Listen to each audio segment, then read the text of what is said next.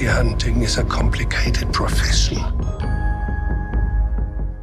Cześć, to jest podcast Parsek Prototo. Ja jestem Wojtek. Ja jestem Jędrek. E, I to będzie podcast o, jest podcast o serialu e, The Mandalorian. Star Wars The Mandalorian, czyli po polsku Mandalorianin. Mandalorianin. Tak. tak. E, nie Słowo, mamy w sumie mi... oficjalnego polskiego tłumaczenia, ale domyślam się, że takie by było, gdyby było. Ja mam cały raz problem, żeby wymówić to słowo, więc będę mówił Mando. Dobrze. Y, serial y, jest na Disney Plus, jest dostępny już po polsku y, i w wersji dubbingowanej i z napisami. Planujemy robić odcinek co tydzień, a właściwie nie co tydzień, bo drugi odcinek już w tym tygodniu. Później sytuacja się powtórzy, a, przed, a ostatni odcinek dostaniemy tygo, po tygodniowej przerwie na The Last Jedi. Odcinki będziemy nagrywać zawsze w tej, według tej samej zasady, czyli oglądamy odcinek i od razu siadamy i na, gorąco na, nagrywamy i gadamy o naszych reakcjach. Na gorąco zupełnie. Nie jesteśmy... będziemy gadać przed nic, obiecujemy. Nie. Nic. Po, po zakończeniu odcinka następuje cisza, siadamy przy mikrofonach i dopiero zaczynamy komentować. I dokładnie tak, e, tak sytuacja wygląda w tym momencie, czyli właśnie obejrzeliśmy odcinek The Mandalorian, e, po czym w ciszy e, spaliliśmy papierosa, a właściwie Jędrek palił, a ja ustawiałem do końca sprzęt, żeby już ruszyć. No nic, zaczęliśmy... nic nie mówiąc, chociaż było to bardzo trudne i bardzo awkward, tak. ale daliśmy radę. jako, że jesteśmy wieloletnimi Y, turbofanami, to będą to bardzo rozkminy wychodzące też poza sam serial i wchodzące też w nasze obsesje i fascynacje ze światem Gwiezdnych Wojen związane.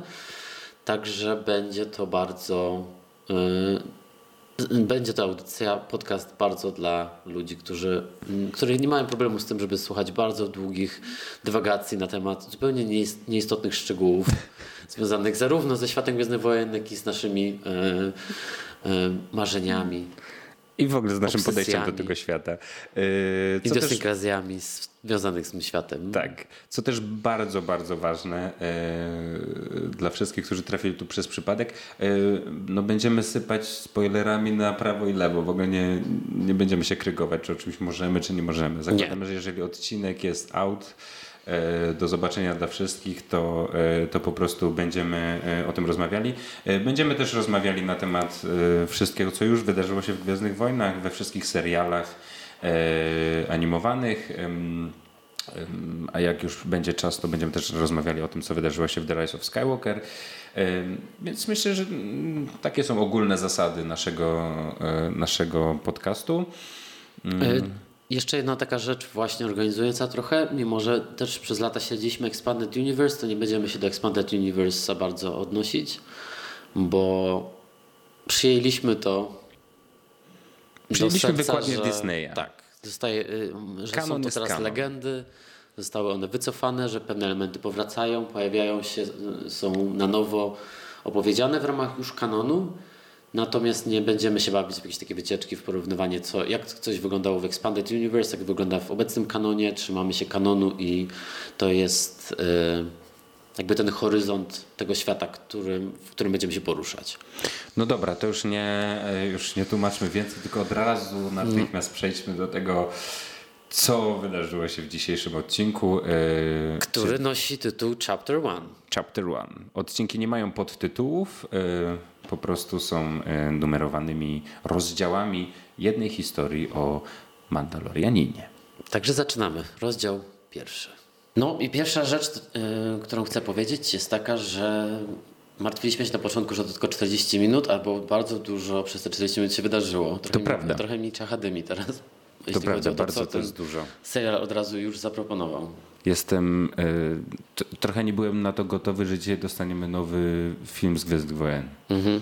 I myślałem, że dostaniemy, jeszcze jak zobaczyłem rano, y, kiedy uruchomiono Disney+, Plus, zobaczyłem, że odcinek ma 39 minut, mhm. to sobie pomyślałem, o, takie ploty chodziły, że to będzie krótsze niż godzina, ale mimo wszystko byłem trochę zawiedziony, a w te 40 minut dostaliśmy strasznie dużo. Oj tak, przede wszystkim bardzo y, od razu ten świat został mocno zarysowany. Y,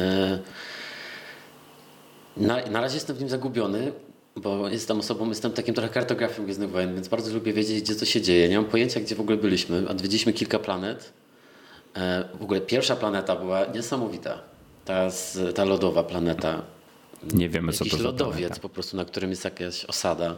Tak, może już internet wie, co to jest za planeta i może to już jest jakoś oficjalnie ogłoszone. Ja za chwilę będę to sprawdzał w międzyczasie, jak będziemy rozmawiali. No na razie trzymajmy się tego, że nie zostało to powiedziane w serialu, więc jeszcze nie musimy tego wiedzieć. Tak. Y, To, tak jak mówisz, że jesteś trochę zagubiony w całym tym świecie, y, ja na początku jednak musiałem się przez chwilę y, no w ogóle przyzwyczaić się do tego, że oglądamy jednak Gwiezdne Wojny, że to jest... y, Ten, dlatego na początku miałem takie poczucie mm, jakiejś takiej serialowości i w ogóle telewizyjności tego, co oglądamy. I to się skończyło w pewnym momencie, jakby już. Bo jakby Mówię szczególnie e, o scenie, już tak przejmę, przejdę do konkretu, e, o scenie, w której e, ten schwytany niebieski czy zielony e, koleś, niebieski, który wyglądał, wyglądał jak ze Star Treka, zaczął szukać kibla. Mhm. Tak, widzieliśmy pierwszą w Gwiezdnych Wojnach. To jest moja pierwsza notatka, którą mam zrobioną z dzisiejszego seansu, że mhm, kibel w Gwiezdnych Wojnach. Tak, nie, nie, nie wygląda na zbyt e, komfortowy, ale już wiem, jak, że istnieją kible. Tak, on w ogóle zaczął wchodzić w jakieś detale, że to może nie wyglądać tak jak u Mandalorianina, to jego pójście do, do toalety. No nieważne. Tak, taka ale wiesz, to zgadzam się z tobą, że, że też miałem y, przez chyba tę postać, która była taka ba- bardzo, jakby potem ten serial troszeczkę inaczej już ten klimat budował. Na początku ta postać, rozumiem, że to też tak, tak było specjalnie zbudowane, że on bardzo dużo mówił w kontrze do Mandalori Mandalorianina, który bardzo mało mówi i e, no i jakby ten chyba taki rys humorystyczny na początku miał, był trochę taki telewizyjny faktycznie. No i właśnie Więc to, bardzo się cieszyłem, że go zamroził, bo potem faktycznie to y, nabrało tylko bardziej klimatu, który mi odpowiadał. No. też się ucieszyłem, że ta postać zniknęła, y, szczególnie dlatego, że mm, jakiś, coś mi nie grało w tym, że on mówił po angielsku. Mhm. Y, Ta postać z tym wyglądem jakoś chyba lepiej bym, Tak, i miał jakiś taki bardzo amerykański gdybym- jeszcze akcent. Tak, i w ogóle po prostu że jest wygląda- jakiś turysta w tym świecie. Wygląda jakby przyleciał ze świata Star Treka. może to była jego po prostu wina, za to został złapany. No. Tak. No strasznie dużo. E, Z taki, też może tak na rozkręcenie e, powiem. Mm, e, To jest kolejny film. e, W solo było trochę lepiej, e, ale kolejny taki spin-off, no powiedzmy, z tej głównej serii, gdzie no, dramatycznie wygląda, wygląda ta karta tytułowa z napisem Mandalorian. Mhm, To twoja obsesja, więc To wiedziałem już, jak to, jak to się wyświetliło, wiedziałem, że będziesz miał uwagi co do tego. Tak, i ja po prostu lubię żółte napisy i jakoś mam takie wrażenie, że oni to przez tyle lat robili w, e, w komiksach, w, w grach komputerowych, e, w tych serialach animowanych. To się gdzieś pojawiało, jeżeli nie w takiej formie ten, to zawsze no jednak były gwiazdki, mm, tytuł, coś. E, Tutaj tego nie było, e, a szczególnie ta historia chyba zasługuje też na, podobnie zresztą jak Rogue One, gdzie to jest takie mm, jakby jesteśmy wrzuceni trochę w ten świat nie wiadomo kiedy, nie wiadomo gdzie, nie wiadomo jak. Y, Jeżeli mamy potraktować Mandalorianina jako cały film, w sensie te 8 odcinków jako jedną dużą historię, to może fajnie by było w pierwszym odcinku tylko zobaczyć żółte napisy, które nam mówią, gdzie jesteśmy, co tutaj robimy i, i, i dokąd no jakby Jasne. Chociaż z drugiej strony trochę podobało mi się to y, poczucie zagubienia na początku, że, nie, że kompletnie nie miałem pojęcia, co się dzieje, gdzie jesteśmy.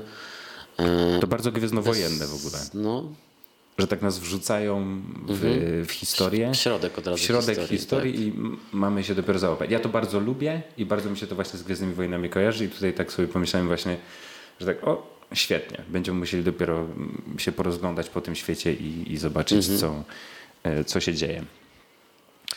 No też to, to, co od razu mnie uderzyło, czego się teraz spodziewaliśmy, patrząc na materiały e, e, z serialu, no że faktycznie to będzie taki western. I jakby ten gatunek w tym odcinku był eksploatowany w sposób, jakiego nigdy jeszcze w Gwiezdnych Wojnach nie widziałem. Od pierwszej sceny, mm, poprzez tą strzelaninę potem, no, po prostu klasyczny western. To prawda. Pomyślałem sobie, że bardzo. e, W ogóle taki moment, który mnie wzruszył e, w tym odcinku, to e, w którym tak sobie pomyślałem, że faktycznie jesteśmy w Gwiezdnych Wojnach, ja to totalnie kupuję i ja bardzo chcę tę przygodę przeżyć. Już, już totalnie w niej jestem. E, To moment, w którym mm, postać grana przez Nika Noltiego, e, którego, której nazwy teraz nie pamiętam, e, powiedział mu, że wskakuj na, na tego potworka, coś tam. I to był taki moment, w którym sobie pomyślałem, ojej, zaczyna się przygoda. A to było taki mega westernowy. Gdzieś jakiś facet na jakimś odludziu, on do niego Tak. przychodzi, jest, jest tylko częścią układanki. Ym, No bardzo taki klasyczny trop. E, I tak sobie pomyślałem, że czuję się bezpiecznie, poczułem się bardzo jak w Gwiezdnych Wojnach. I, i- no, a dalej już, no, dalej to już w ogóle szaleństwo. No dobra, to pogadajmy teraz o samym Mandalorianinie. Mandalorian... Mandalorianinie. Tak. właśnie. Będę miał zawsze problem z tym. Tak, pogadajmy o Mando. Pierwsza rzecz, która mi się bardzo podoba, to y, y, wyczuwam y, ciągnący się przez cały serial, mam nadzieję, running joke na temat tego, że on nie, nie pokaże twarzy i nie zobaczymy pięknej twarzy Pedro Pascala przez cały sezon. Oj nie, bo Bo dzisiaj, w pierwszym odcinku dwukrotnie był żart, była sugestia od jednej postaci, że powinien zdjąć maskę i, To i dwukrotnie zostało to właśnie przez niego e, albo zignorowane, ale za pierwszym razem w ogóle nic nie powiedział, a za drugim razem coś, już nie pamiętam, coś odszoknął, ale to chyba będzie jakiś running joke po prostu, To- że nie zobaczymy Pedro. Bardzo byłoby mi przykro, bo oczywiście bardzo lubię patrzeć na Pedro. No i też, ba- jakkolwiek podoba mi się running joke, to sam fakt, że nie zobaczymy tej pięknej twarzy troszeczkę też mnie smuci. Ale myślę, że prędzej czy później to się stanie. Myślę, że obstawiam, że nie, nie zostawią nas tak do końca sezonu. W sensie, że to się stanie wcześniej niż później. Bo to, że go pokażą, myślę, że jest oczywiste, ale A czy to jest tak, że w Gwiezdnych Wojnach niek- niektórzy aktorzy już teraz podpisują takie właśnie dziwne umowy, że oni nigdy już nie pokażą twarzy, tak jak w sensie wiesz o co chodzi, zatrudniasz jakiegoś prawdziwego aktora, który biega w stroju i w masce i Nick nie Nolte przed chwilą. twarzy. No, kapitan Fazma w dwóch częściach też, która nie pokazała twarzy de facto. to prawda. Był też e, w The Force Awakens Simon Peck. Simon Peck. Uncle- Simon Peck, który też się, Uncle Prot, tak, który, e, który nie pokazał twarzy e, w tym odcinku. Ja właśnie szukam, jak nazywał się, jak nazywa się postać grana przez Nicka Noltego, bardzo mnie to ciekawi. Quill. Quill. No tak, tak, spodoba mi się ta postać, bardzo mi się od razu spodobał, że miał swój tekścik. I have spoken. No, myślę, że bardzo przydatne w każdej rozmowie. Nie, ale fajna, ciekawa postać. Mam nadzieję, że, że to nie jest jedyny moment, jak go widzieliśmy. Też mam taką nadzieję. Chyba nie po to się zatrudnia Nicka Noltego, żeby go w, użyć tylko w jednym odcinku. A z drugiej strony ciężko po tym odcinku powiedzieć, kto tutaj będzie na dłużej. Myślałem, że ten e, droid, który się pojawił, droid bojowy, łowca nagród droid I- IG-11, myślałem, że on też będzie na dłużej, a można się spodziewać, że to już jest koniec jego roli w Dostał w serialu. łeb, więc Dostał myślę, że w to łeb, koniec. nie? No myślę, że na pewno nie zobaczymy jego, na pewno nie zobaczymy już e, Wernera Herzoga, na którym oparto Mhm. e, w ogóle całą kampanię promocyjną tego filmu. Do tego jeszcze przejdziemy jakby Mhm. trochę, trochę o kampanii promocyjnej i o tym, co em, właściwie, no przejdziemy do tego. No ja bym chciał jeszcze pociągnąć przez chwilę wątek samego Mando. Dobra, Mando. Mhm. Bardzo mnie zaciekawiło to, czego się nie spodziewałem. W sumie nie wiem czemu, biorąc pod uwagę tytuł i to, co już wiemy o, o, o, man, o Mandalorianinach i o, o planecie Mandalor, że on tutaj należy do klanu. I ta scena w, e, e, wizyty w, na nienazwanej planecie w klanie była no, jedną z moich ulubionych scen.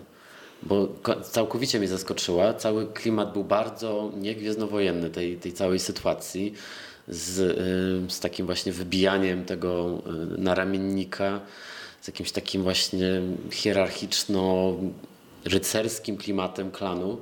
I strasznie mnie to zaciekawiło, że jakby poznamy, że nie jest to taka postać, e, że to nie jest łowca nagród w stylu Boba Fetta, czyli że taki, nie wiem, indywidualny, samodzielny, nie, nie, nie należący do, jakby do żadnego stowarzyszenia, zgrupowania, czegokolwiek, tylko że tak, od razu to pogłębia jego postać, że on jest lojalny wobec jakiejś, jakiejś, jakiejś y, frakcji. I no jestem ciekaw, co, co więcej się o niej dowiemy. Czy ty masz jakąś wiedzę na, na temat tego, jak w tym momencie, w którym jesteśmy w historii, wygląda w ogóle sytuacja planety Mandalor?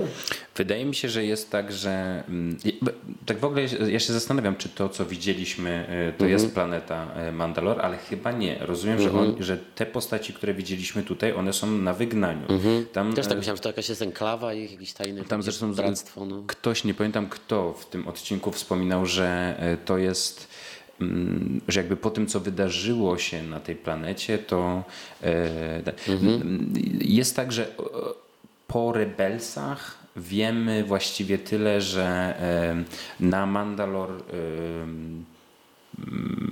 nie, to wiem po Clone Warsach, prawda? Że, mm -hmm. że Darth Maul tam, e, tam stworzył ten syndykat mm -hmm. I właściwie on przejął kontrolę przez chwilę na Mandalor. Później, tak, ale już na etapie Rebelsów to na, W Rebelsach już siostra Sabine rządziła tak. i w sumie pod koniec Rebelsów, Rebelsów to sama Sabine tam stanęła na czele mm -hmm. tej planety. Ale w sumie nie wiemy, co się wydarzyło y, podczas wydarzeń z, z klasycznej trylogii. Mm. No jest, pojawiła się w tym, już w tym odcinku sugestia, że coś się wydarzyło, że jest jakaś tak. taka nie, nieznana nam jeszcze historia, która jest związana z jakąś chyba tragedią y, tej, tego narodu, tej planety. E, bo jeśli dobrze zrozumiałem, ten przedmiot, który on otrzymał od Wernera Herzoga, należy do, do ich kultury. To jest jakiś ich artefakt. Bo y, Taki był komentarz, tak? Też tej, tak. E, tej kobiety w zbroi, którą on odwiedził potem, tak? Że to powraca i że powraca do nich, tak? Jakiś tak. artefakt. I teraz nie pamiętam, co ona powiedziała, czy to była jakaś czystka, czy... W ogóle jeszcze wracając do tego, mhm. co ty, co ty tam powiedziałeś, to ten moment, y, w którym właśnie ona wykuwała jakby kawałek zbroi dla niego, czyli to, e, ten naramiennik, mm. który mu dawała. W ogóle jej, jej, y, jej maska, która trochę przypominała, ona jest w ogóle bardzo taka z seriali animowanych, mm. bo mhm. tam były różne wariacje tych mandaloriańskich e, masek i w Clone Warsach i w Rebelsach.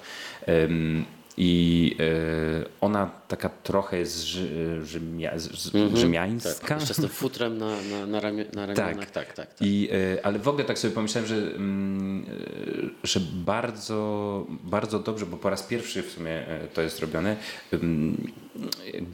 John Favreau kreśli taką trochę mm, wewnętrzną mitologię już w tej dużej mitologii. -hmm. I robi ją no na razie tylko w tej jednej scenie, ale robi, jest to bardzo intrygujące, wydaje się dosyć dosyć spójne, wizualnie dosyć odległe od tego, co znamy w ogóle, co widzieliśmy w Gwiezdnych Wojnach, a jednak bardzo w tym świecie osadzone.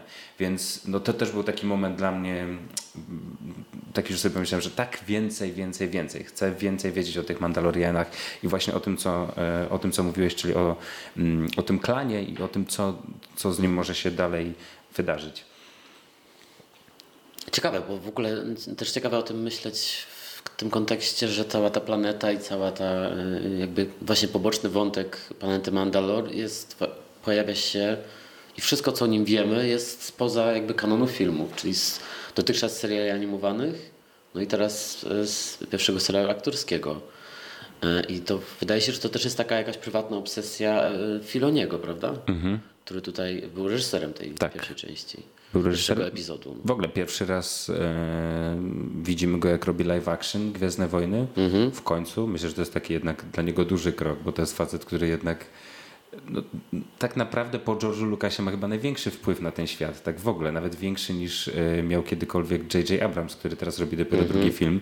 E, Z pewnością jeśli chodzi o mitologię tego świata tak. i poszerzanie tej mitologii i jakby dbanie o, o, o, spójność tego świata. Tak, on zresztą jest częścią tej e, Star Wars Story -hmm. Group. On stoi też na czele e, całej dywizji animowanej, e, ale ewidentnie ambicje ma dużo większe i chciałby trochę z tego wyjść. On też jest bezpośrednio właściwie uczniem George'a Lucasa, mm. bo to on razem z nim pisał Clone Wars. Więc to jakby dostał takie błogosławieństwo od George'a Lucasa, e, większe niż Kathleen Kennedy, która właściwie jest no, taką techniczną producentką tych filmów, a jakby trochę jest tak, że kto wie, co Kathleen Kennedy wie, wie, Kathleen Kennedy wie na temat Gwiezdnych Wojen, a wiemy, że Dave Filoni no, żyje tym i mm, oddycha. Wie wszystko, tak. Wie wszystko. I będzie ten świat poszerzał. Tak jak poszerza go, w, w, no już w tym pierwszym odcinku widać, jak bardzo będzie poszerzał ten świat. W ogóle y, przed obejrzeniem, przed y, tym odcinkiem oczywiście rozmawialiśmy wielokrotnie o tym, że bardzo nas też interesuje poza jakby samą historią, którą przedstawi ten serial. Wszystko, co przy okazji dowiemy się o tym momencie w, w historii galaktyki, tej jakby szerszej politycznej historii. Więc dla mnie takie smaczki, jak e, ta rozmowa o, o, o walucie, w sensie o, o tym, jakiej walucie zapła, zapłaci mu, e, zapłaci naszemu bohaterowi e, też bohater, zleceniodawca. Tak, no. zleceniodawca. E, już mnie zainteresowała, że kredyty imperialne nie są już zbyt, e, zbyt poważane, nie są już zbyt e, chyba, nie są w obiegu tak bardzo, jak były wcześniej. I Mandalorianin woli przyjąć walutę z Mon Calamari. Tak, z Mon Calamari. Taką troszeczkę płynną. Tak, i chwilę zresztą, która taki odgłos wydała, tak, wręcz tak. było to słuchać, że jest taki, Ekstra. Tak, taki, taki miękki, jak wyjęty z wody. Mm, tam też to, to, jest, to, to, jest, po prostu strasznie ciekawe, bo, bo um, trzymając się tylko filmów, zawsze jesteśmy nad, w tym wielkim konflikcie pomiędzy dwoma tak naprawdę jakimiś siłami. E, e, prequelach to były, była Republika i separatyści, potem oczywiście Imperium, Rebelia, teraz e, Ruch Oporu i, i Najwyższy Porządek, a, a tutaj zaczynamy dostawać wgląd w to, że te strefy wpływów, szczególnie w tym okresie po upadku Imperium, mogą znów E, inaczej się układać i nie być tak scentralizowane i że może są faktycznie poszczególne jakieś planety, e, które mają na tyle silną pozycję, że, że, że mogą e, funkcjonować takie niezależne centra od na przykład Nowej Republiki, która rozumiem w tym okresie już istnieje gdzieś tam. Z tego co ja wiem z książek, to Nowa Republika już jest utworzona, mm. ale też nawiązując do tego, co mówiłeś, Werner Herzog nazywa to rewolucją E, rozumiem, że zniszczenie drugiej gwiazdy śmierci i upadek imperium to jest mhm. dla niego rewolucja, bo on mówi, że od rewolucji nic nie jest takie samo. No tak, śmierć imperatora i pewnie ta rewolucja, być może w odniesieniu do tego, co się działo na planetach, które mm, obalały wtedy władzę imperium po śmierci imperatora, tak? E, to mi się po prostu skojarzyło z tą dodaną sceną do e, powrotu, powrotu Jedi, gdzie po śmierci imperatora jest pokazane kilka planet tak. celebrujących tak. jego śmierć, między innymi Coruscant jest pokazane właśnie obalanie jego pomnika. pomnika, że z punktu widzenia dawnych e, właśnie mofów czy imperialnych oficerów, no to to jest taka rewolucja ludu, której, której oni nie cierpią, tak więc to może być to. Ale, e, e, bo Imperium, ostatnia bitwa z Imperium to jest bitwa nad Jakku, tak? Nad Jakku, tak. I to jest jakby koniec samej wojny, tak? Tak, to jest oficjalnie koniec imperium. Z tego co rozumiem, to jest 5 lat po, więc to mhm. jest już po, e, po bitwie o Jakku. No, bardzo mnie zaciekawiła jego postać i to. Yy, czy on nadal posiada jakąś jeszcze władzę w ramach jakichś takich ostatków imperium? Mówię teraz o postaci Wernera Herzoga mhm. i tych szturmowcach, którzy tam byli. Czy to byli szturmowcy, którzy są byłymi żołnierzami, yy, którzy nadal są wierni jeszcze jakiemuś wysokiemu oficerowi, czy to są już jacyś najemnicy, którzy po prostu korzystają z tych zbroi. E, w ogóle bardzo ciekawe było zobaczyć takich szturmowców. Oczywiście po pierwsze jakby w tych zniszczonych, zabrudzonych zbrojach, a po drugie no nie zachowujących się jak szturmowcy, tylko bardziej jak tacy, nie wiem, wikidajłowie, no, jacyś mhm. najemnicy, którzy pilnują swojego... No ale to rozumiem, będziemy się dowiadywać w ramach tego głównego e, wątku, jakim będzie e, zlecenie, które on otrzyma, otrzymuje. Tak, też, też zrozumiałem to tak, że to jest raczej prywatna armia Wernera Herzoga mm -hmm. i w sensie taka resztka, to jest właściwie jego e, ochroniarze. I więc mm, też e, on, sam Werner Herzog e, opisany jest jako The Client, więc w ogóle nie wiemy, kto to jest ty wiedziałeś o tym, że istnieje gildia łowców nagród? Nie, zawsze myślałem, że to jest taka, nie, że łowcy nagród działają niezależnie. Nie wiedziałem, że jest jakaś konkretna organizacja, która ich zrzesza i... Muszę przyznać, że bardzo mnie rozbawił ten pomysł, że oni są zrzeszeni w gildii i faktycznie w momencie, kiedy już jeden się zjawia na miejscu, e, to drugi musi mu ustąpić po to, żeby ten, żeby ten pierwszy mógł zdobyć nagrodę, mm -hmm. bo mhm. tego dotyczy właściwie ta rozmowa tego IG-11 mm -hmm. z, z Mandalorianinem. Znaczy też patrząc na to, co wiemy z samych e, filmów, e, jakby odkładając na bok Expanded Universe, tak jak mhm. odłożyli go już twórcy, to samych filmów nie wiemy tak dużo o łowcach nagród, żeby... Wiemy, że oni e, na przykład nie mają problemu, żeby służyć Imperium, tak jak, tak jak właśnie w Imperium kontratakuje. Zostają oni wezwani na, na, na pokład niszczyciela Vadera, być może właśnie poprzez gildię łowców. Mhm nagród. Możemy teraz retkonować to.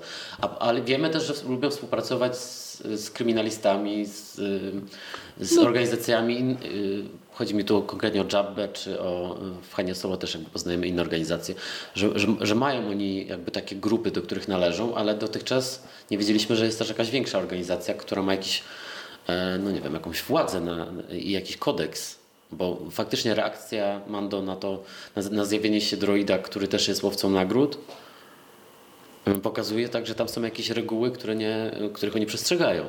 Czyli nie są aż takimi y, szubrawcami, jak mogliśmy sądzić. Tak, bo jakby wcześniej myślałem, że jedyna zasada y, na to, od kogo bierze się zlecenie i y, jest po prostu to, kto da więcej pieniędzy i też po prostu kto pierwszy jest, kto pierwszy ten lepszy.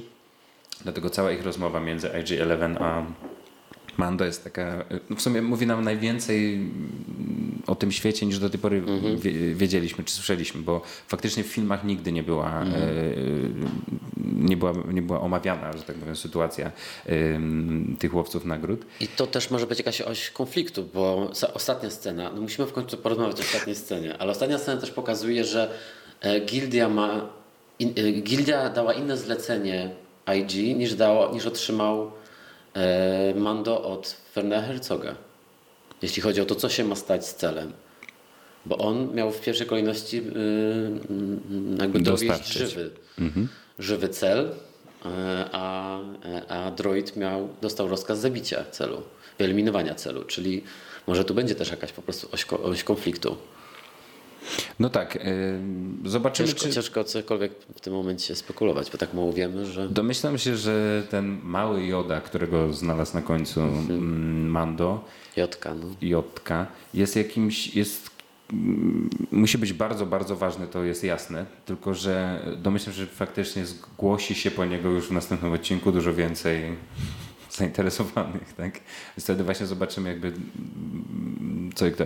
No jest to strasznie intrygujące, muszę przyznać, że jakby było to przez cały czas tak podprowadzone. E, już myślałem, że wcześniej, kiedy Mando e, już dostał tego, tego zwierzaka od Nika Noltiego, jest takie cięcie i widzimy jak kamera tak e, podjeżdża za takiej górki i to był pierwszy moment, kiedy już tak wziąłem głęboko oddech, bo sobie pomyślałem, że tu już zobaczymy po tym, po tym ujęciu, o co tutaj chodzi, kogo szukamy mm -hmm. i to będzie na pewno ktoś lub coś, co nam dużo powie. Mm -hmm. Bo jest to oczywiście tak podprowadzane no, już. Sam tam 50 lat i tak, tak siedzisz i po prostu mało masz czasu, ale z tyłu głowy tak liczysz, kto może mieć 50 tak, tak, lat tak. I to, no. Dokładnie, bo zaczynasz po prostu przeliczać właśnie kiedy, co, kiedy mm -hmm. to się wydarzyło, czy to podczas Clone Warsów było, czy to jeszcze wcześniej. No tak. I... Także twist yy, im się udał. No bardzo, no bardzo. To że, to, że to się okazuje już dosłownie w ostatniej sekundzie odcinka, to, e, to bardzo ciekawe. Bardzo ładna w ogóle scena, z, z, ta ostatnia. Tak. Z odkryciem jody i z y, zabiciem droida. Bardzo, bardzo ładna. Tak. No ale... I, z, i taką zas, zastanawiającą reakcją. Oczywiście jeszcze niewiele o nim wiemy jako bohaterze, o, o Mando, ale jego reakcja jest taka jednak dla mnie trochę zastanawiająca. Jego reakcja na odkrycie tego dziecka. No też Ale po też tej scenie, jak wykuwana jest jego zbroja i potem jak widzimy flashbacki, mm-hmm. e, czyli wiemy, że ma właściwie taki sam backstory jak Jean Erso. Mm-hmm. Tak. Więc e, wydaje mi się, że, że po, te, po, tym możemy już wnioskować, że no, ma jakiś taki soft spot dla jakichś porzuconych dzieci w serduszku mm-hmm. i że to, to, go gdzieś, mhm. to go gdzieś mogło chwycić. Tak, jednak Gwiezdne Wojny sierotami, sierotami stoją. No tak, myślę, że bez tego nie mielibyśmy dobrej Gwiezdnowojennej historii. w sensie jeszcze nie mieliśmy żadnej, więc nawet Han Solo się okazał e, sierotą i jakby wszystkie te historie, nawet standalone muszą, e, muszą być o to oparte. Mm, w The Resistance było tak, w serialu The Resistance było mm. tak, mhm. że główny bohater Kaz nie był sierotą technicznie, ale został osierocony po tym. W trakcie. W trakcie. Mhm. Kiedy e, e, najwyższy porządek zniszczył e, Hosnian Prime. No tak. Tak, wartości rodzinne są bardzo y, po macoszemu traktowane w tym świecie. No. Dosłownie po macoszemu. no, y, moje pytanie jest takie. Y, chciałbym, żebyśmy, y, żebyśmy ustalili to w mhm. pierwszym mhm. odcinku. Y, żebyśmy obstawili. Możemy zmieniać rzeczywiście co odcinek, ale nadzieję. obstawiaj. Y, obstawmy, czy ten Joda to coś jest więcej? W sensie, czy to jest, czy on ma jakiś związek z jodą? Czy zupełnie nie? Czy ten świat jest jednak tak budowany, że używa tych samych zabawek, ale jednak nazywa je inaczej? I, bo to jest w ogóle coś, o czym dużo myślałem podczas e, tego odcinka, że znamy świetnie te wszystkie zabawki, ale to dosłownie wygląda tak, jakby ktoś wyciągnął pudło z piwnicy z rzeczami, które świetnie znamy, zupełnie inaczej je ponazywał i trochę bawił się w taką podobną zabawę, ale jednak wymyśloną na nowo. Hmm. I moje pytanie jest takie, czy ten Joda to jest, e, to jest jakiś Joda z, od Jody? Czy to jest, czy to jest zupełnie niezależna nowa postać? Czy, ten, czy oni będą się, czy e, John Favreau i, i Filoni będą się bawili w to, że, e, żeby bardzo mocno wiązać te postacie, w sensie, żeby spróbować te postacie jakoś powiązać z tymi kanonicznymi, które już znamy z filmów? Myśl, wydaje mi się, że będzie jakieś powiązanie z jodą, bo inaczej jaki byłby sens prowadzać taką postać? Oczywiście też nic nie wiemy o, o jodzie, o, o nawet rasie jody, tak? Nie, nawet nie znamy jej nazwy, jeśli się nie, nie mylę, prawda? I nie wiemy z jakiej planety pochodzą. Znamy tylko Jadl. Znamy Jadl? tylko Jadl, tak. Pamiętam się działa w Radzie Jedi, tak. Ja bardzo dobrą fryzurę. tak. Ale ona nie była dziewczyną Jody, to nie było tak, że oni mieli nie, jakieś stosunki. Nie, nie, intymne. Więc... No nie, Jedi nie mogli mieć, więc Yoda na pewno by tego nie złamał. No jeśli to okaże, że to jest na przykład dziecko Jadl, to będzie to bardzo, jakby sięgnięcie w bardzo głębokie pokłady lore, ale mm, Jadl nie, nie może mieć dziecka, jeśli, bo też jeśli nie powiązana z Jodą, to na pewno będzie ta, e, będzie ten, ten 50-letni, 50-letni, przepraszam, niemowlak, no jakoś powiązany z chyba mocą po prostu i z Jedi. No, mam nadzieję. Ja, ja obstawiam, że to jednak mm. nie, e, że jednak ten, ten mały Joda nie będzie miał związku z, ze starym Jodą, że to po prostu jest też dla nas taki duży wing od twórców, że.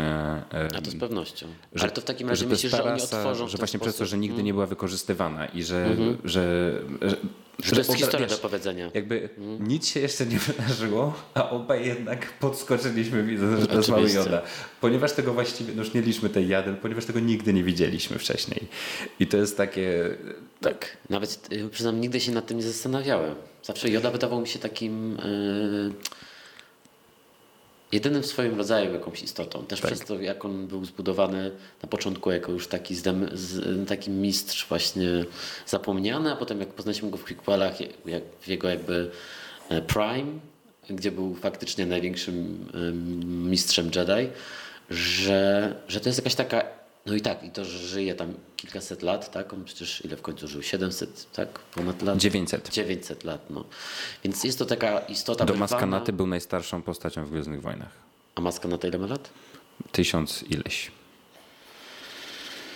E, że taka właśnie postać wyrwana jakby z biegu czasu i przez to wyjątkowa.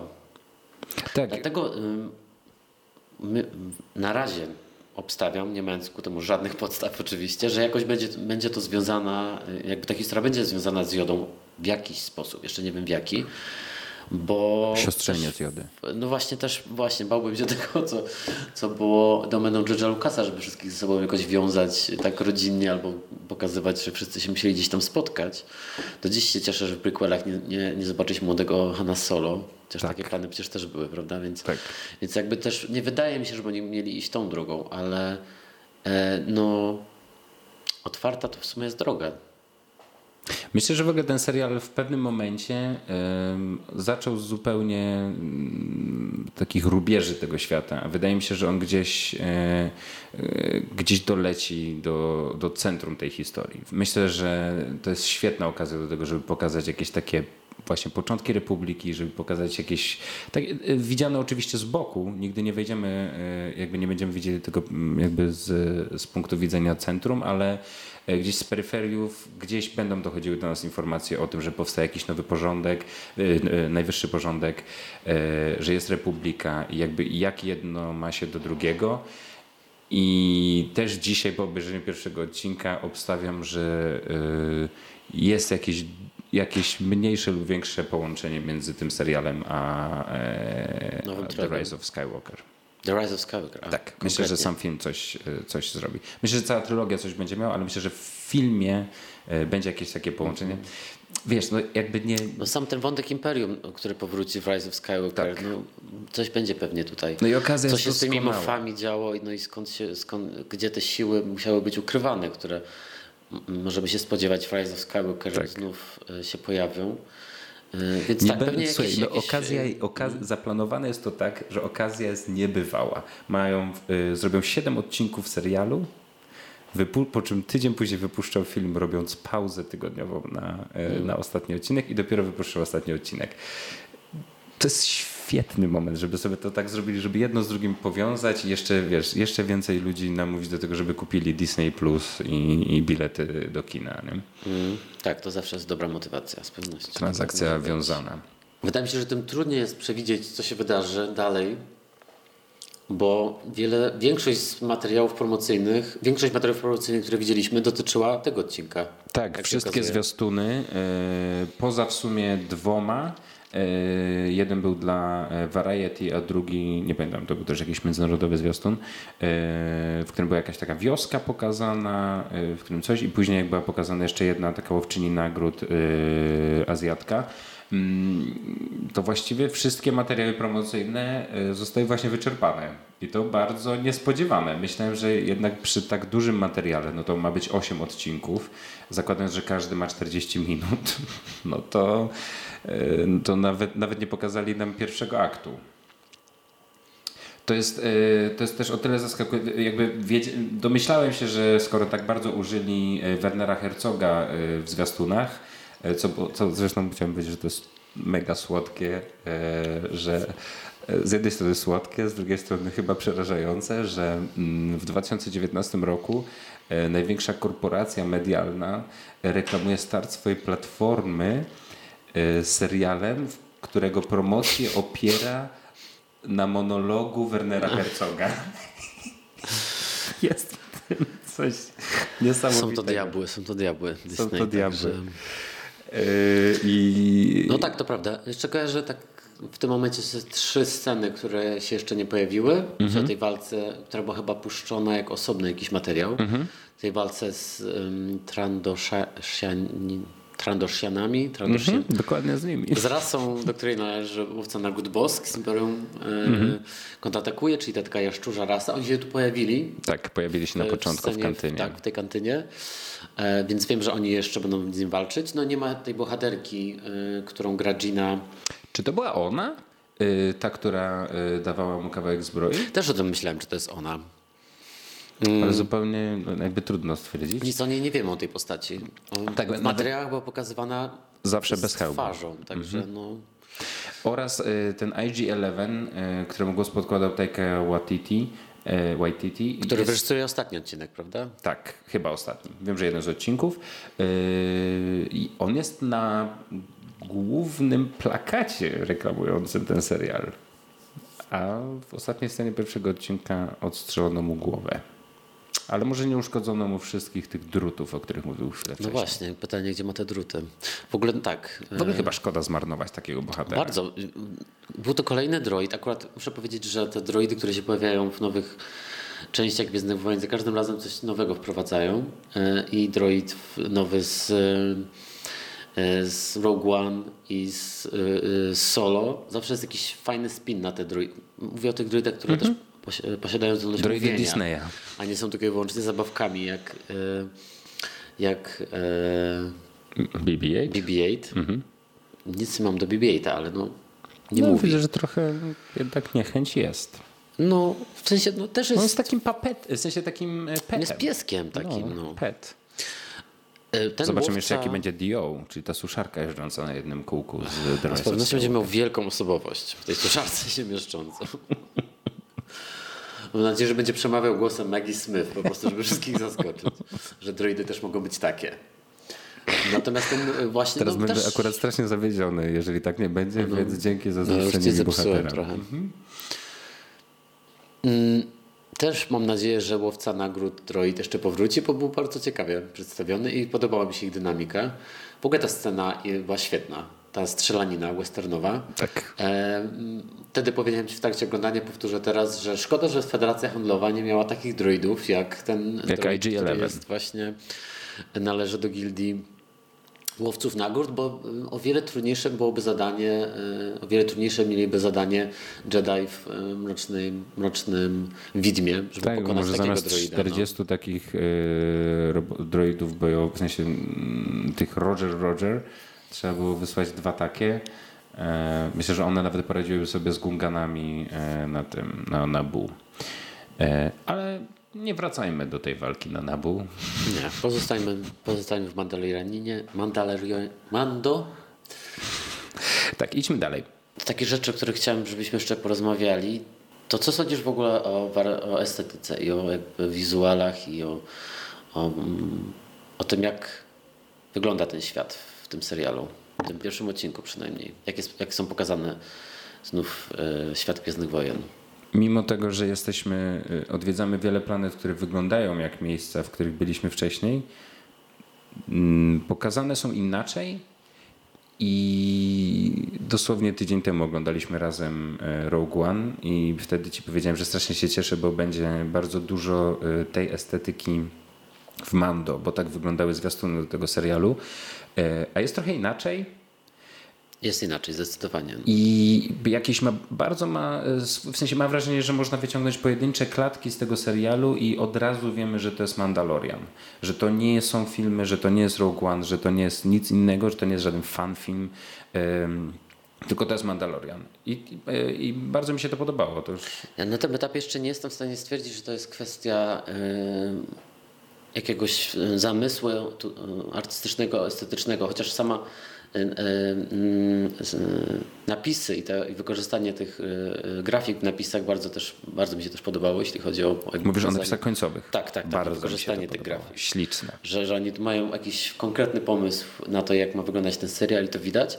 Natomiast póki co jeszcze nie jestem w stanie oddzielić tego od faktu, że no to jest nadal mimo wszystko, mimo włożonych w to pieniędzy, telewizja i że to są Gwiezdne Wojny pokazywane jednak z, z mniejszym jakby no, budżetem i, i to też po prostu nie chcę oczywiście i nie zamierzam oglądać tego w, z takiej perspektywy, ale no to też sprawia, że inaczej jest pokazywany ten świat, tak? No po prostu nie...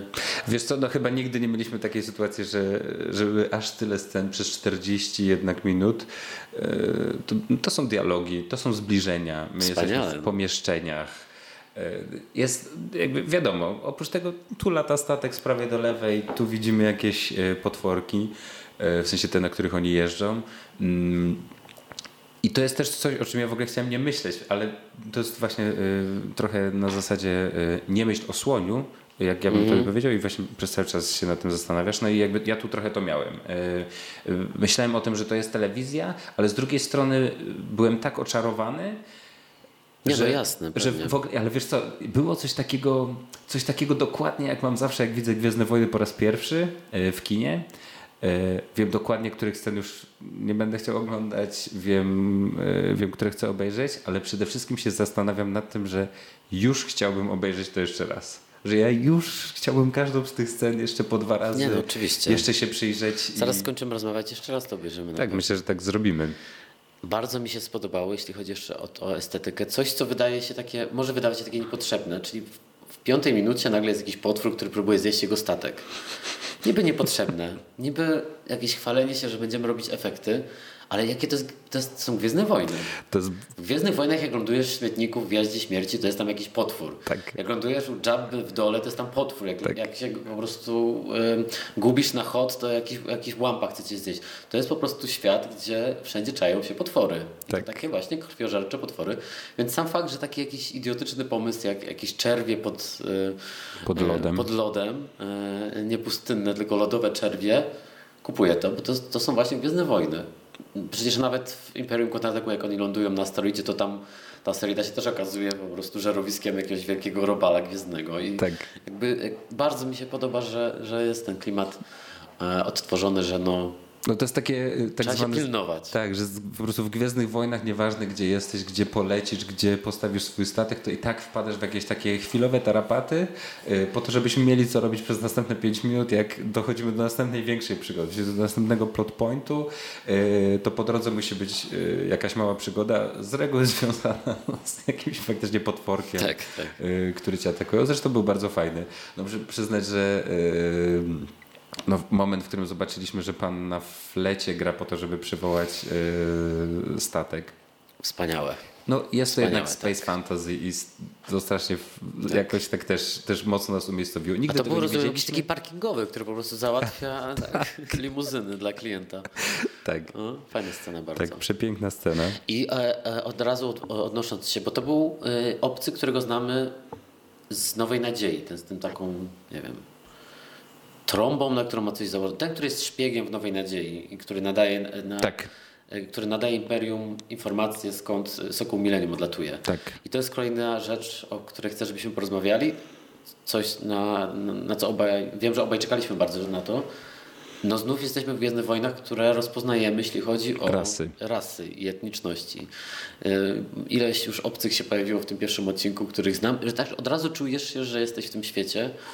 E, Tak, były Twileki, był jakiś y, robot artu, y, był ten Salacious Crumb, który był O, to- to ten śmiejący się tak. przydupa z Jabby, który tutaj, w sensie widzieliśmy go w dwóch odsłonach. Jeden go narożnie, a drugi w klatce. E, e, Na razie, póki nie zostanie to oficjalnie potwierdzone, lubię myśleć, że to jest dokładnie e, ten, który był u Jabby, widzieliśmy go właśnie e, narożnie. Jest to 5 lat po, po wydarzeniach z powrotu Jedi, więc w sumie e, to może absolutnie być on. No, piszą, no chyba zginął na tej barce razem z. Został gdzieś nie? wysadzony, ale może się uratował i potem. No jeśli tak, jeśli miał się uratować po to, żeby skończyć narożnie, to chyba zasłużył na to. Tak, liczę, że też tak było. Tak, był też y, y, Rodianie, Rodianka jakaś była, Tak. czyli y, rasa, do której należy Grido, nieodżałowany. No i w ogóle bardzo mi się to podoba, że były też, pojawiły się nowe rasy. Y, Tak, tak jak nie ten, podobał który mi się bardzo ten pierwszy, początku. ten, Tak. o którym już rozmawialiśmy ze Star Treka, bo taki był za bardzo właśnie e, no, jakiś po prostu aktor w kostiumie, mam Tak. wrażenie jednak.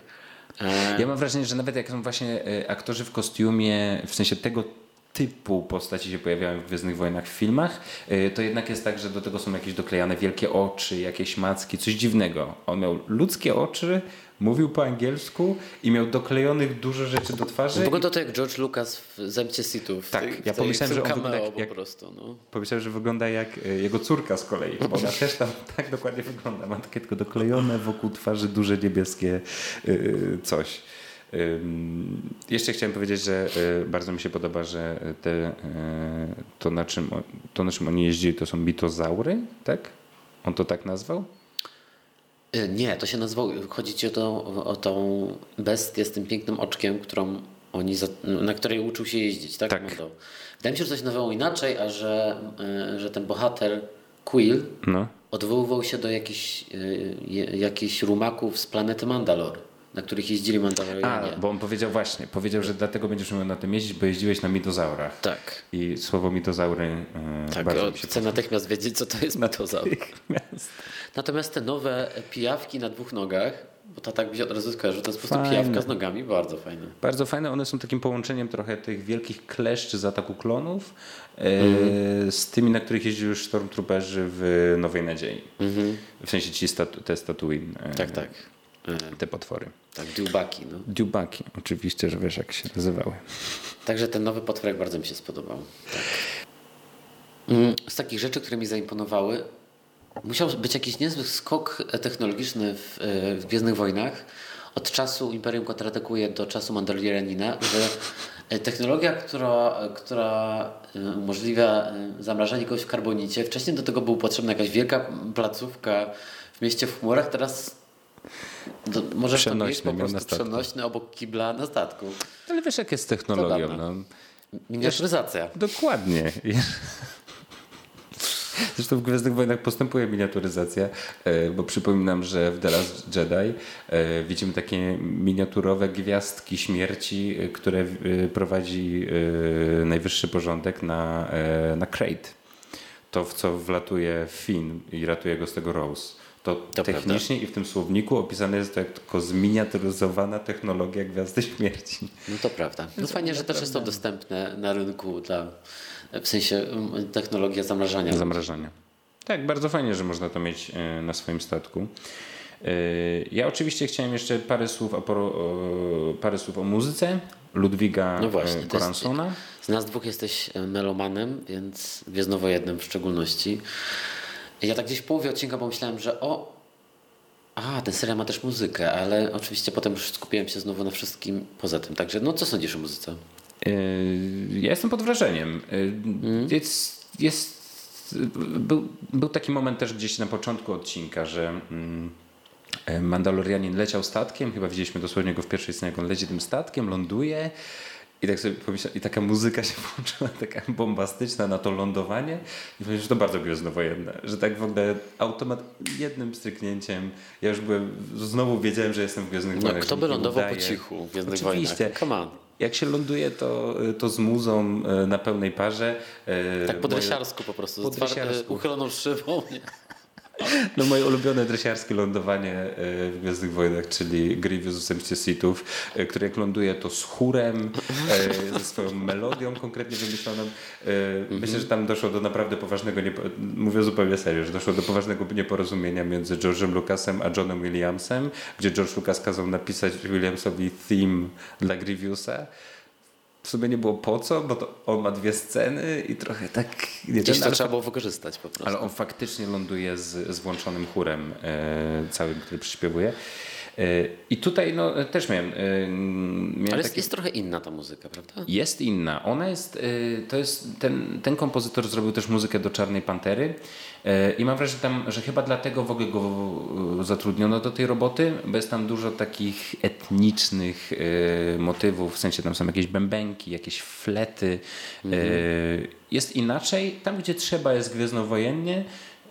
Miałem wrażenie, że Pierwszy raz jak tak przez chwilę pomyślałem o muzyce, a tak jak mówię, niestety nie zwracam uwagi tak mocno na muzykę jak ty, a już na pewno nie jak pierwszy raz oglądam, ale pierwszy raz jak e, zwróciłem uwagę na muzykę było w tej scenie, e, w tej scenie jak oni jechali na tych rumakach.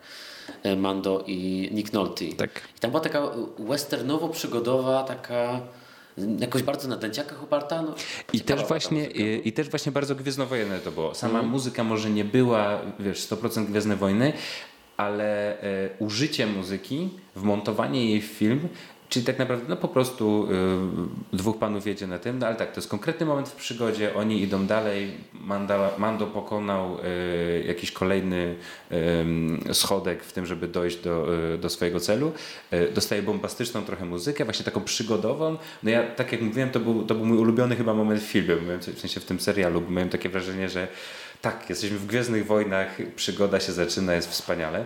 Yy, pod sam koniec, właśnie, ale widzisz, przez to, że nie mieliśmy yy, czołówki z muzyką, yy, to też ta muzyka nie miała takiej szansy się wybić.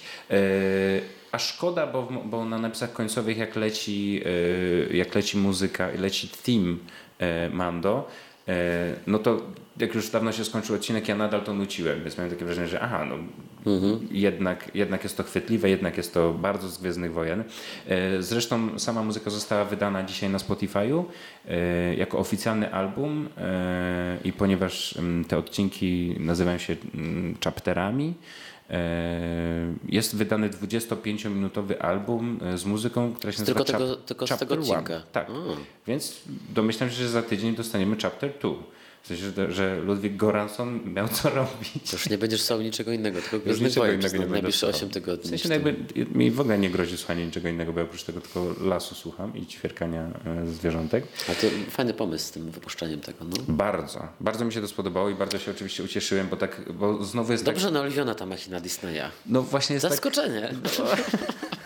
Wszystko jest, dobrze przemyśleli. Jest tak filmowo i, i, właśnie tak eventowo. W sensie y, potraktowano to w ten sposób, że wypuszczamy odcinek, puszczamy to. No, ja, ja, się poczułem po prostu jak przy premierze kolejnej części Gwiezdnych Wojen. Tak w mini wersji, jak tam mini wersja. Y, no jak przeczytałem dzisiaj już, już oburzenie na to, że Disney Plus się zawiesza, że nie można tego obejrzeć. No pomyślałem, no cóż za świetna promocja dla tego serialu, że no tak. jest tak wielkie zainteresowanie, że nie dają rady. Tak, inna sprawa, że y, faktycznie też chciałem jakieś jedno zdanie powiedzieć na ten temat. No dzisiaj mm. ruszył ten Disney Plus e, rano wszystko jeszcze śmigało, ale od południa, kiedy e, Disney Plus ruszył w Stanach, e, ja sam widziałem, że apka po prostu przestała działać, nie, nie ponieważ ja od rana od razu włączyłem Simpsonów i obejrzałem kilka odcinków, że tak powiem, do śniadania i do porannego biegania.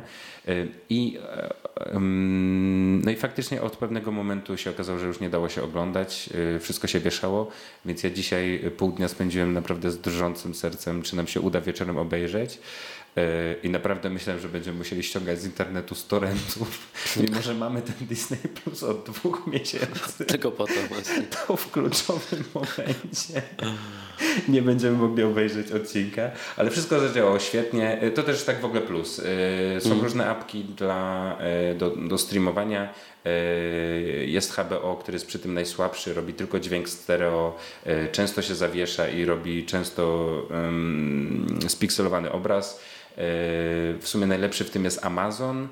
Netflix też jest taki, że na plus minus, a tutaj poszło świetnie. Dźwięk Dolby Digital, obraz był żyleta. Oj tak. No.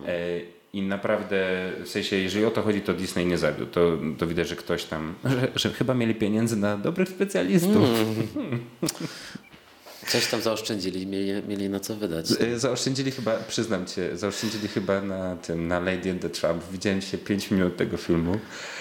E... To też jest prosto na Disney Plus, tak? Tak. To jest okay. Disney Plus Original. No jest to mocne. Widziałem okay. 5 minut. No dobra, nie 5, może 3 i no, jest to trochę creepy. Ale to nie jest to nie jest podcast o Lady and the Trump. Na podcast o Lady and the Trump zapraszamy nie, nie, w poniedziałki. No dobrze, chyba koń, kończymy już. Kończmy. Jeszcze mówiłeś, żebyśmy spróbowali y, co, co coś przewidzieć, ale tak, tak naprawdę Chyba nic. Co? Bardzo to mogą być tylko i wyłącznie marzenia. Ja jestem strasznie ciekaw oczywiście tej historii, oczywiście tego, co zrobią z tym twistem i jak to po połączą z większą historią, ale też to, co po tym pierwszym odcinku mnie tak uspokoiło, to jest, mam wrażenie, że bardzo tak spokojny jest ten pierwszy odcinek. Z takim oddechem, sugerującym, że oni przewidują, że to będzie historia, która potrwa kilka lat. Wiesz o co chodzi, że nie śpieszą się, tak. że dają jakby taki oddech tej, temu światu, tej historii nie, nie, nie, nie mnie pędzą jakoś bardzo do przodu. Dużo już nam pokazali, ale nie miałem wrażenia, że jakoś skaczą.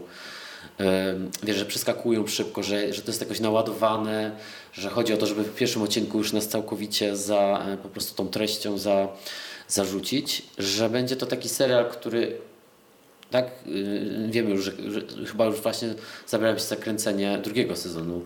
Więc, że to będzie taki serial z oddechem i, i to mi się podoba, że to nie jest jednak taka na, za przeproszeniem, na pierdelankę. Mhm. I dzięki temu ten klimat westernowy, jeśli dalej będzie to ciągnięte w tym kierunku, może po prostu fajnie, fajnie zagrać w Gwiezdnych Wojnach. Szczególnie jeśli to się faktycznie będzie działo na tych rubieżach, na tych, w tych rejonach galaktyki, których nie widzieliśmy E, ani w filmach, ani być może w serialach animowanych zbyt, zbyt dobrze. Mm. Więc jestem po prostu bardzo podekscytowany, że, że najbliższe tygodnie poznamy, że przez najbliższe tygodnie poznamy ten skrawek galaktyki, ten parsek galaktyki. Ten parsek galaktyki. Też mi się wydaje, że tak uspokoiła mnie ta ostatnia scena, dosłownie te, te ostatnie ujęcia w momencie, jak, zobac jak zobaczyliśmy y, małego Jodę już chwilę wcześniej też jakby pomyślałem sobie, że oni naprawdę dobrze wiedzą, że robią serial. To nie jest jakiś film podzielony na odcinki, yy, tylko to po prostu jest tak skonstruowane, żeby nam się chciało co tydzień wracać. Yy, będą cliffhangery w tym serialu. E, tak zwany what the fuck, że po prostu ludzie, internet będzie eksplodował co, co tydzień e, po Mandalorianie. E, no i super, o to im chodzi. Oni muszą, w sensie chcą zrobić z tego wielki serial. Bardzo, bardzo jest ciekawe, że Mandalorianin konkuruje bezpośrednio z filmem kinowym, z filmem zamykającym sagę i jest szansa na to, że w międzyczasie ludzie będą jakoś, nie wiem, nie wiem, czy nie będą bardziej podekscytowani po prostu samym serialem. Czy nie, przez to, że on jest dostępny, że jest w domu, że tyle trwa, że trochę będzie tak, że nagle się pojawi The Rise of Skywalker yy, i w takim szerszym ujęciu będzie trochę tak, a jeszcze są te Gwiezdne Wojny w kinach, mm -hmm. ale ja w sumie jestem bardziej zainteresowany tymi w telewizji. Wiesz o co chodzi? Bardzo jestem ciekaw reakcji na, na ten serial. Yy, jeszcze nie, jakby nic nie czytałem, nie chcąc oczywiście żadnych spoilerów, także Także dopiero to będę odkrywał. Natomiast moje przeczucie jest takie, że duża część tych fanów zawiedzionych Last Jedi może troszeczkę wybaczyć teraz albo docenić jakby Kathleen Kennedy za to, co tutaj pozwoliła y, zrobić Filoniemu i Favreau.